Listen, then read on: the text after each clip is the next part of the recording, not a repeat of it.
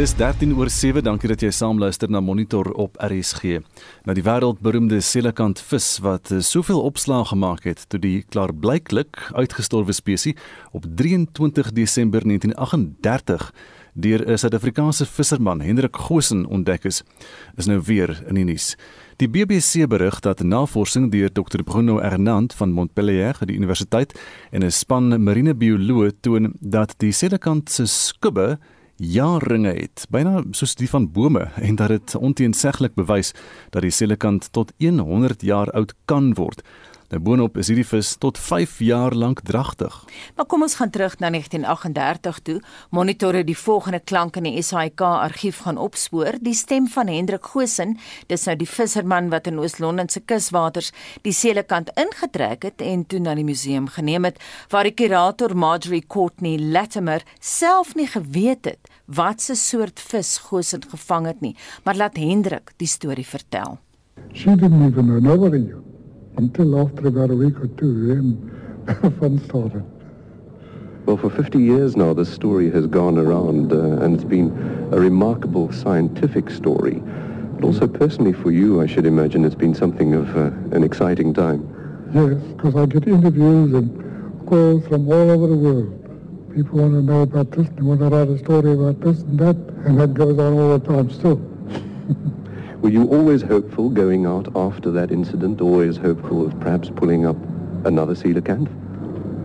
Not really hopeful, but I always kept it in mind. You know, we went a lot of strange places after that. I thought there might be a chance, but never. I had a theory that it came from the deep water outside here because the fish are caught with it. Didn't live there where we got it. You know, they were immigrants that came from somewhere else, and he was with them. So I thought he came from deep water outside here. Yeah, the water was cold, and you know the fish shift when the water's cold to a warmer place. Now they could have come from outside. The sharks that he caught it with only live in deep water. A type of shark, spotted dogfish, which is bigger than ordinary dogfish. And I thought it was traveling with him, and that's how it got there. Well, we're standing here in the museum at East London, and behind me are all these glass cabinets of other specimens. Yeah. Do you have anything to do with any of those? Most of them, when I first started, I brought in a lot of specimens, baskets full. How did you preserve them on board your fishing Well, trawler? we just brought them as they were, and they preserved them here. We kept them in ice, of course, but I brought a lot. Some of them I see still here, and that's a long, long, long time ago. And when you see the coelacanth today, what do you feel? Sometimes I'm disappointed because a lot of people claimed they were more to do with it than I was. I actually caught it and brought it in. But as you can see, they all uh, take all the credit for it. But you obviously know in your mind I who is my mind, responsible. yes. It would never have been there if it wasn't for me. Captain Hendrik Goosen. Intussen het Monitor uitgevind dat een van die land se voorste padda-kenners, professor Louis De Pre van Noordwes Universiteit, 'n passie vir die selekant storie het. Trouwens, tuis versier die selekant ook sy mure en ek het prentjies daarvan gesien gister. De Pre ken die hele verhaal. Ons praat ver oggend met hom. Goeiemôre Louis. Môre Anita. Jy het nou weer ver oggend na Hendrik Goosen se stem geluister. Jy ken die hele agtergrond. Wat het Marjorie Courtney Latimer toe gedoen? Kyk, Marjorie was soos jy gesê die kurator. Sy het toe onmiddellik besef sy ken nie hierdie vis nie en sy het haar bes probeer om die vis te bewaar, maar in daardie tyd, dit was um, mid Desember, sy het geen vrieskaste gehad nie. Sy het geen fikseermiddel gehad nie en en sy het besef sy moet hierdie vis probeer bewaar. Sy toe probeer by die lijkhuis, so sy was res, redelik desperaat. en uh die ouens by die lijkhuis het toe gesê nee, maar hulle dink nou regtig nie hulle volgende customer sal baie gelukkig wees. Ehm um, as as hulle weer daar te vis gelê nie. En en uh, intussen het die vis begin afgaan en ehm um, sy het toe om die vis te probeer identifiseer, het sy geweet op Gramstad is 'n professor in chemie, uh, professor Jelby Smith wat ook sy visse baie goed geken het en sy het hom probeer bel. Hulle het toe wel van hom geval gesê dat hy's reeds met vakansie in Nyasa en sy het vir hom 'n baie bekende briefie geskryf met afmetings en 'n skets en dit ehm um, Nysna toe gestuur. Maar in, intussen moes hy iets met hierdie vis doen en sy toe die taxidermis gevra hy moet hom nou maar ehm um, afslag en opstop ehm um, dat hulle ten minste die die buitekant van die vis kan bewaar en die sagte dele in die skelet en die goedes toe als weggegooi. Nou hy hierdie professor JLB Smith van Gramstad, hy was nie 'n marinebioloog nie, né? Nee, nie nie uh, opgelei is een nie, maar hy het homself geleer en ehm um, hy was op die ou en werklik die viskenner en het ook die, baie gesaghebende boek geskryf hmm. oor sea fishes of South Africa. Nou later is die seelekant weer ontdek langs die kuswaters van die Comores eilandgroep. Kom ons luister gou na wat JLB Smith daaroor te sê gehad het. It is my astounding privilege to announce to the world the discovery of a second coelacanth. This all started 14 years ago. No, of course, I am wrong. It really started 300 million years ago. For that is the time that scientists estimate as the first appearance of the coelacanth fishes on Earth. These rather curious fishes were evidently a vigorous line, for they flourished and multiplied, their fossil remains being found over a great area, and they kept on almost unchanged for a far longer period than any other type of creature we know. After about 200 million years of existence, they began to decline in numbers and there are no fossil remains in rocks less than 60 to 70 million years old.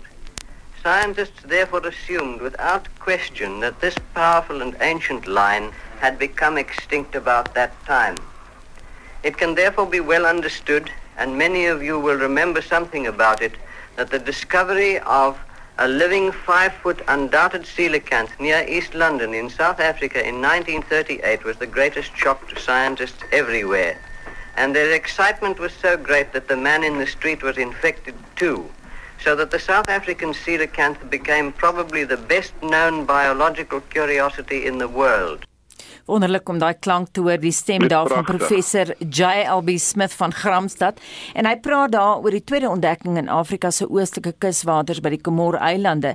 Nou die aankondiging Louis is gedoen op 17 Januarie 1953. Mens kan hoor aan die klankkwaliteit ook. Dis nie nou opgeneem nie, nê. Maar jou reaksie Louis op sy woorde, the excitement was so great that the man in the street was infected too. Ja, kyk, hulle daai uh, Jelby Smith het, het amper 20, 14 jaar lank gesoek na hierdie vis en hy het belonings uitgesit. En en toe het 'n uh, eh, een van sy papiertjies wat in 'n vissersboot se venster vasgebly het, ehm um, en en die kaptein Smith het hom toe in uh, die Comores by die eiland Anjouan gekry en hy het hom toe van 'n telex gestuur en gesê got your fish please advise En toe dit was net na die Tweede Wêreldoorlog en en Shelby Smith was desperaat. Hy hy het so lank gewag vir hierdie vis. Nou hoe kry hy hom? En na 'n lang storie het hy besluit nou bel hy die staatspresident. En hy die staatspresident gebel weer eens net voor Kersfees, ehm um, 10:00 die aand. En uh die staatspresident het verduidelik en toe het hy van hom gesê die uh, dokter Malan het vir uh, Shelby Smith gesê hy sal 'n plan maak en die volgende dag toe stuur hy 'n vliegtyg en het hom opgelaai uh Comores toe gevlieg, die vis genaal en teruggekom en Jelby Smith het geweier om die vis vir enige iemand te wys. Hy het gesê die hm. eerste persoon wat hom mag sien is die staatspresident en hy het die vis toe na die staatspresident vernoem. En hy het hom toe genoem Melania Anjumani van die eiland Anjuan en Dr Malan, maar later het dit gebleik dat dit is presies dieselfde spesies en so die eerste naam Latimeria columnae ehm um, is die die een wat vandag gebruik word.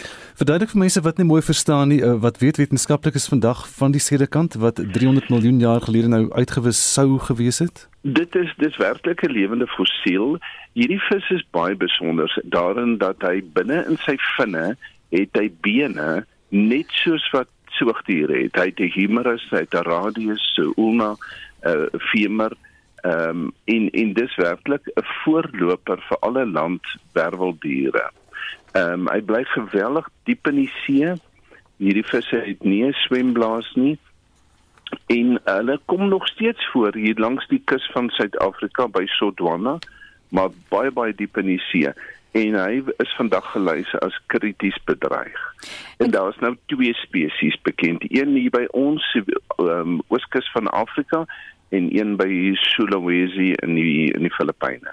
Louis ek nou vir baie bly jy verwys na Sodwana want die vis is nou sedertdien September 2014 en toe weer Mei 2019 by Sodwana gewaar en gedokumenteer.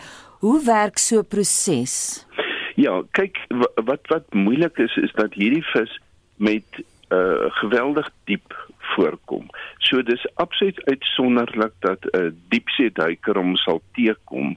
Hulle het eintlik 'n duikboot nodig en hmm. en daar was al verskeie ekspedisies wat hulle met duikbootjies afgegaan het en uh die visse toe gekry het en daar is toe daar is wel al visse gesien deur diepsee duikers, maar dan is dit 'n vis wat as gevolg van die verskuiwing in water dat hulle bietjie bietjie vlakker kom. Maar die daar's nooit weer een in Oos-London omgewing gekry sover ek weet. En met ander woorde daar's ook nie uh, iets er sprake van iets soos 'n sensus om te weet hoeveel van hulle daar is nie.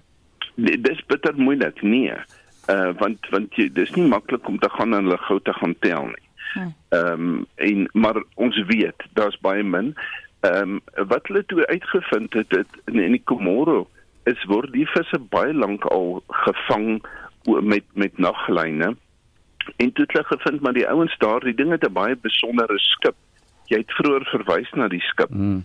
Die skip het uh wat ons noem kosmin op. Dit is 'n uh, is 'n baie harde stof en dis knobbeltjies en die plaaslike bevolking daar gebruik die viskebal of 'n dekades as 'n fiets ehm, 'n um, lek het 'n puncture dan uh, gebruik hulle hierdie skip om deur die die rubber te skuur voor hulle nou 'n plakkertjie opsit. Ek verstaan die vis kom ook voor in Indonesië se seewaters. Ja, ja, maar dit is 'n ander spesies. Ehm um, en dit is ook 'n toevallige ontdekking. Dit was toeriste wat by 'n vismark verbygestap het, gesien het my hier is 'n vis, maar die persoon het geweet van dieselfde kant en toe foto's geneem en nou ja, toe toe ontdek hulle die tweede spesies in in die by Sulawesi. Ons het gehoor die Suid-Afrikaanse regering het wel 'n projek begin om dieselfde kant te help bewaar. Weet jy daarvan hoe gaan dit met daai projek? Ehm um, ja, ek is kyk ek, ek fokus op paddas. So dit ek ek doen ek is net passievol oor dieselfde kant. Ehm um, omdat dit so 'n besondere ontdekking is en ek glo alle dierkundige studeerkinde studente dit moet die storie moet ken. Ehm um, maar die, die ek weet dat die NRF dryf 'n navorsingsprogram en dit gaan maar oor die bewaring en die bewusmaking en en hulle probeer vasstel hoeveel daar is, maar ek is nie ingelig oor hmm. oor presies wat daar aangaan nie. Maar vir my die mooi van die hele storie is dat ja, ehm um, die kaptein Gosen en Marjorie Courtney Latimer het nie maar net gesê ag hier's 'n vis al ken hom nie okay ons gooi hom maar weg. Hmm. Daai daai belangstelling en nuuskierigheid het gelei daartoe dat die vis ontdek is en en vir prof Jelby Smith wat eintlik 'n chemiker is om onmiddellik te weet maar hierdie vis het 70 miljoen jaar gelede uitgesterf en van daai klein sketsie wat Marjorie gemaak het, het hy geweet dis 'n selekant. Mm -hmm. Ja.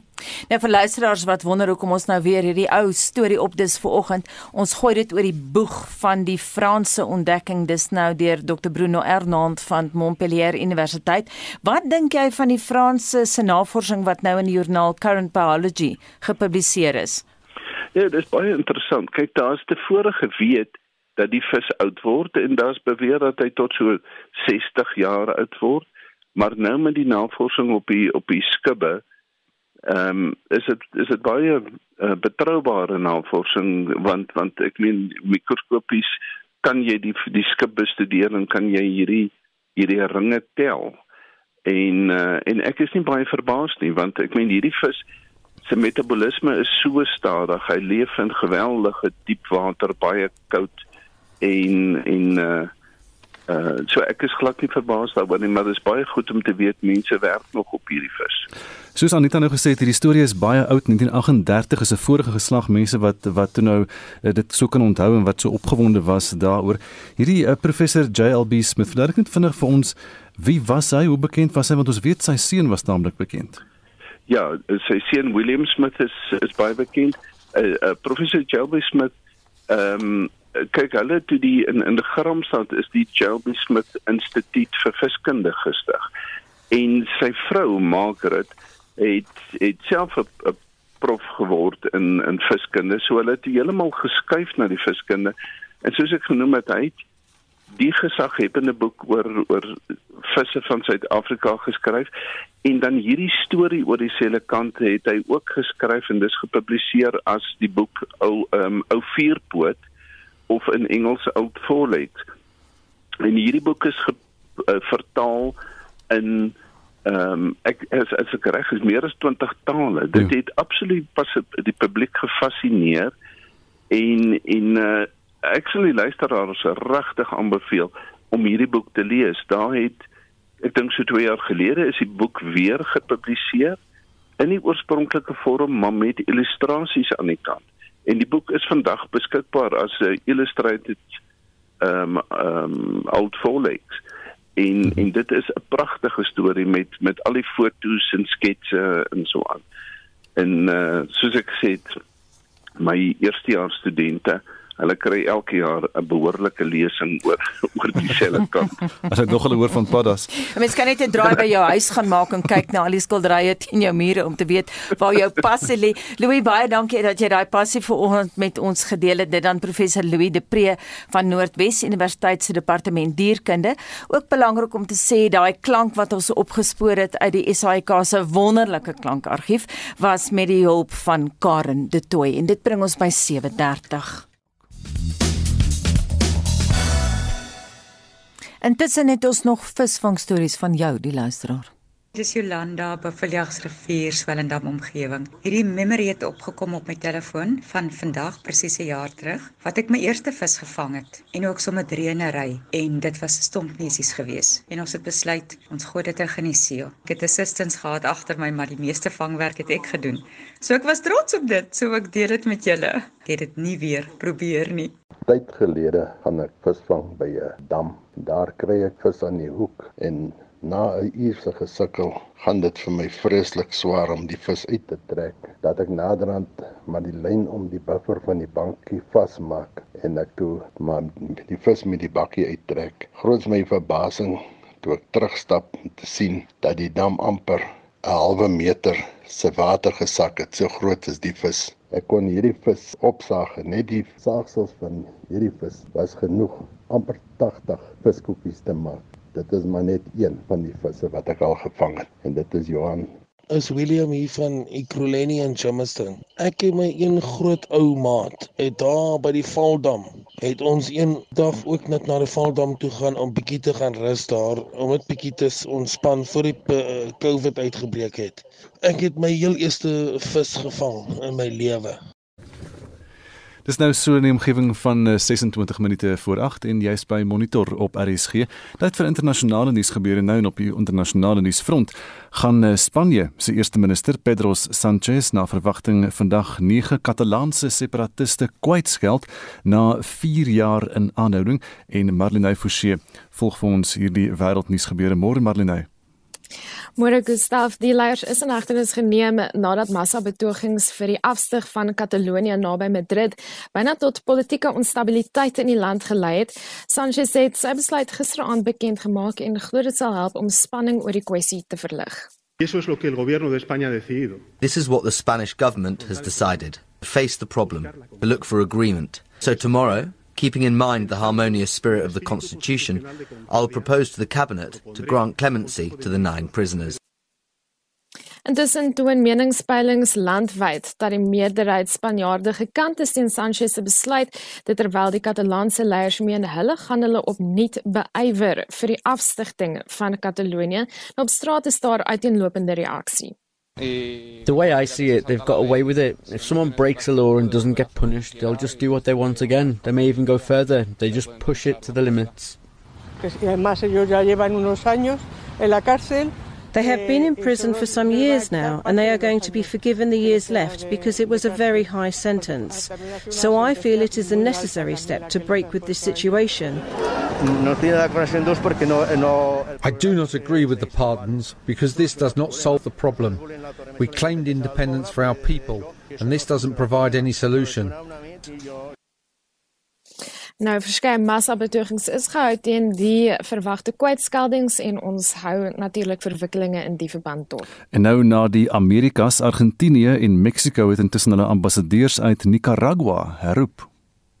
En dit volg op die inhegtenisname van 'n vyfde potensiële presidentskandidaat die afgelope tyd. Nou die joernalis Miguel Mora word aangehou ingevolge die land se omstrede wet op hoogverraad. Alles vind plaas in die aanloop tot die presidentsverkiesing oor so 5 maande waarin die huidige president Daniel Ortega na verwagting vir 'n vierde termyn as president aangewys sal word. Die Wêreldhandelsorganisasie waarsku nou opnuut ook teen die gebrek aan COVID-19-enstof in armer lande. Hoewel 90 miljoen dosisse reeds geskenk is, waarsku die WHO se senior raadgewer in die verband dat dit ver tekort skiet. Veral Afrika is 'n groot bron van kommer met die derde vlaag infeksies wat die kontinent tref. En veral president Cyril Ramaphosa se beroep op die internasionale gemeenskap om armer lande by te staan, ontvang heelwat aandag op internasionale vlak. Ek die Wêreldgesondheidsorganisasie wat so waarsku. 'n Ander groot nuus vanoggend uh, oor die omgewing UNESCO sê die groot koraalrif in Australië loop die gevaar om van die lys van wêrelderfenisgebiede verwyder te word, maar Australië sê egter hy is nie in hierdie saak geken nie. Die aanbeveling wat gemaak word is dat dit op UNESCO se gevaarlys geplaas word. Klimaatsverandering en die land se onvermoë om die wêreld se grootste koraalrifstelsel daarteen beskerm, kry die skuld hiervoor. UNESCO waarsku dat die 'n kwessie is wat dringend aandag moet kry om te verhoed dat die rif sy 40 jaar oue status as erfenisgebied verloor. Die Australiese regering staan die aanbeveling teen en beskou dit as teenstrydig met vorige onderhandelinge met die VN. Marlene Forsie met 'n oorsig oor vanoggend se wêreldnuus gebeure. Dis nou so 22 of 18 minute eintlik voor 8:00 is by Monitor op RSG. Internasionale marine bioloog boos vir Noorwe weens beplande eksperimente op minkie walvisse. Nou die toetse sal geskoei wees op die gehoor van walvisse en wil bepaal hoeveel akoestiese steurings hierdie soogdiere kan hanteer. Volgens die Noorse voedselveiligheidsliggaam sal die eksperimente by die ver afgeleë Lofoten-eilande uitgevoer word.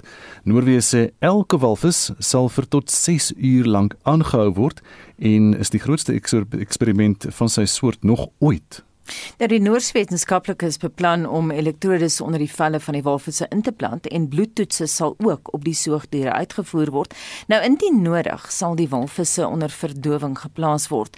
Die vraag wat hulle internasionale kollegas nou het, is hoe eties kan die soort eksperimente wees gegee die feit dat die diere baie stres en angs sal ervaar. Ons praat veraloggend hieroor met professor Johan Hatting, voorheen hoof van die eenheid vir omgewingsetiek in die sentrum vir toegepaste etiek aan die Universiteit Stellenbosch. Goeiemôre. Uh, goeiemôre Anita, goeiemôre Gustav. Ehm um, Johan, laat ons net begin. Die doel is nou om die 12 jong mentjie walvisse in afgepende nette in te jaag en vir tot 6 uur lank daar aan te hou terwyl allerlei klank aan hulle voorgespeel gespeel sal word. Ons het nou verwys na die feit dat internasionale bioloë die herrie in is daaroor. Wat sou jou mening wees oor die navorsing en die eksperiment van die Noore? My uh, eerste reaksie was um, gemengde gevoelens aan uh, Nita. Ek was ontstel, hartseer, ongeloof. Ek kon nie glo wat ek hoor nie. My eerste gedagte was is daar nie ander maniere om die kennis in te win waaroor hierdie eksperimente opgestel is nie. Dit is regtig nodig om die walvisse te vang. Uh, hulle word nog vir 4 dae aangehou in 'n baai voor hulle vir 6 uur lank in die net gehou word. So daar is nie ander maniere om jouself te kennis te bekom nie.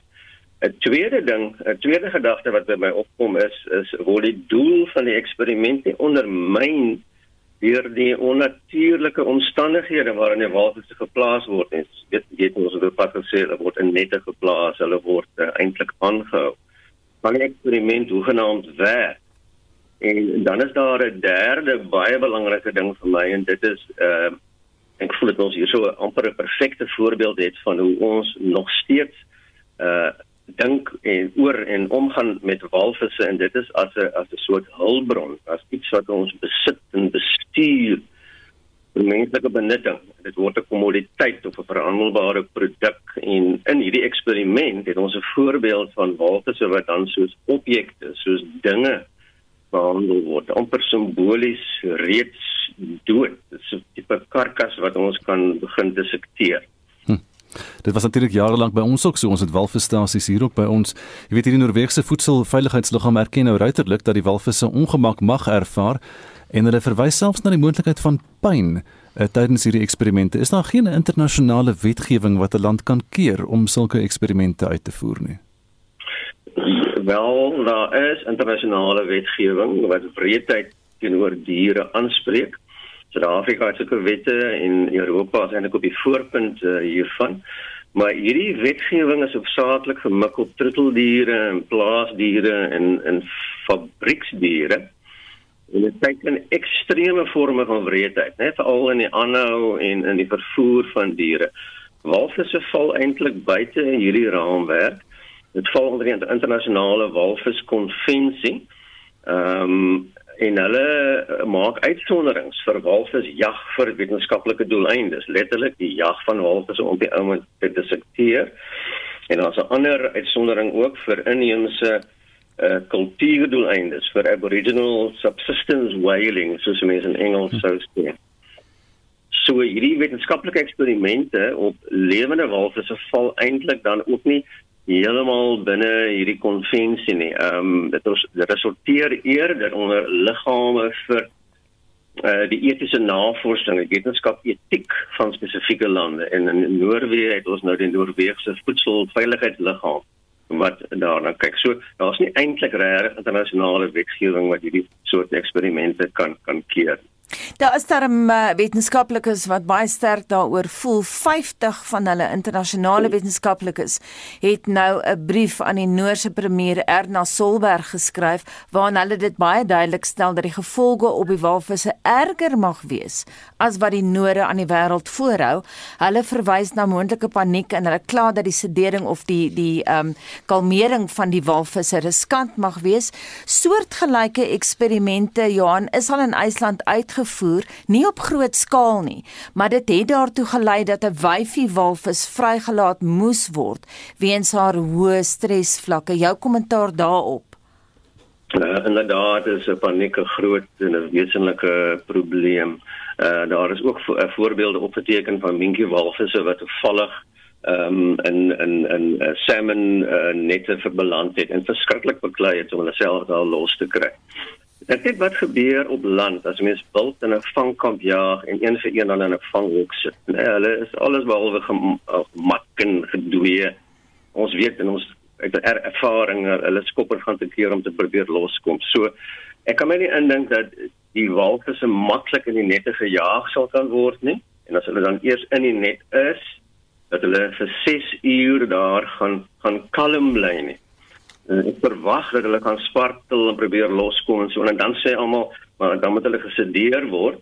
Maar die sedasie self die uh, samestelling van die chemikalieë en middele wat hulle gaan toedien uh, dit is nie goed getoets nie het onvoorspelbare gevolge. En as dit sou werk is dit weer eens 'n vraag of ons dan nie dan die eksperiment dan so onnatuurlik maak dat dit die die ehm um, die doel van die eksperiment uh, eintlik ondermyn nie Johan die Noorde sê die doel heilig die middele omdat die eksperiment sal bydra tot ons kennis van die minkie walvisse. Dit klink soos 'n regte wetenskaplike antwoord daar. Wat is jou reaksie daarop? Ek wonder daaroor. Ek sou die omgekeerde vraag aan die Noordse wetenskaplikes vra en dit is as die doel nie kan bereik word deur die middele nie, het ons nie dan te maak met nuttelose wetenskap nie. Hmm. En en en dan sit ons met die geval dat die walvisse aan nuttelose trauma blootgestel word, hè, vir 'n doel wat nie bereik kan word nie. So daar lyk asof daar 'n gaping is tussen die doel van die eksperiment en die metode. Nou, wat is hierdie doel? Ehm um, om te kyk hoeveel akoestiese steurings kan die walvisse hanteer en dan vra mens waar kan dit nou toepassings kry? Dis is belangrik vir die weermag wat verskillende soorte sonar in oseane gebruik. Is belangrik vir die gas en die oliebedryf wat seismiese eksplorasie doen, ehm um, en dat die skeepvaart wat engine geleide in die, in die see uh, is. Dit is alles lofwaardige doeleindes om dit te kan beheer en miskien selfs te reguleer. Maar ek is 'n bietjie sinies oor die vraag of die Noorse regering nou reg hierso met 'n groot bewaringsinisiatief ehm um, aan die aan die aan die kom is. Ehm um, en ek vind dit eintlik vreemd, miskien selfs skyn heilig. As jy dit agneem net dat hierdie uh, Noors uh, Noorwe openlik minkiewalvisse jag.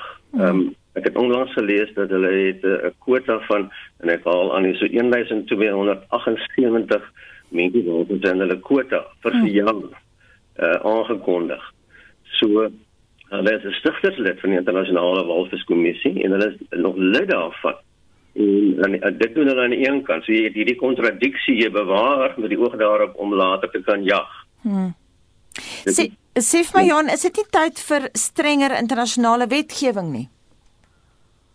Ja, dit kan mens kan miskien dink aan aan, aan wetgewing, maar eh uh, die die die wetgewing eh uh, is in alle waarskynlikheid altyd eh uh, te min en te laat. Ehm um, in ehm um, Suid-Afrika is in dit byvoorbeeld wel die wetgewing sou gebruik kon word om die ergste gevalle van wreedheid te kan te kan te kan hanteer.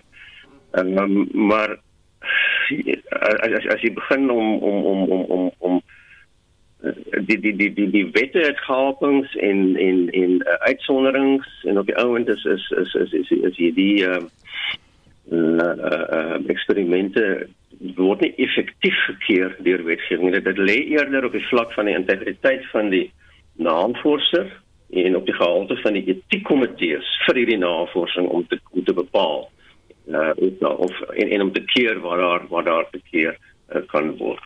Jy praat nou so vinnig van Suid-Afrika. Suid-Afrika het hierdie baie lang en en bekende en gewilde kuslyn natuurlik ook. Wat kan ons het ons enige maatreëls in plek om 'n soort van eksperimente soos hierdie in ons eie kuswaters te keer? Ehm um, wel ons is is is is wel een van die stigterslede van die internasionale walviskommissie. Dit is jak van 1979 af verbied by ons. Uh, uh ons kan wel so 'n sê whale watching doen dan onder sekere uh, regulasies maar ons sit in dieselfde posisie as as Noorwe dat dat ons uh, um, het ten spyte van hierdie wetgewing word nog steeds navorsing gedoen oor walvisse en op walvisse en dan soos ek gesê het die uh, uh, integriteit van die uh, van die navorsers en die gehalte van die etiekkomitees is hier so van van groot belang. Baie dankie vir al daai insette dit dan professor Johan Hatting voorheen hoof van die eenheid vir omgewingsetiek in die sentrum vir toegepaste etiek aan die Universiteit Stellenbosch. En ook baie dankie aan S Dreyer vir die SMS wat hy ingestuur het. Ons het vroeër gepraat oor die sedekant en uh, oor professor JLB Smith en daar's toe nou verwys as Dr. Dave Malan as die staatspresident. Natuurlik was Dr. Dave Malan die eerste minister gewees van die land in daai stadium want toe het ons nog 'n koning gehad, koning George en koningin Elizabeth later voordat daar ooit 'n staatspresident gekom het.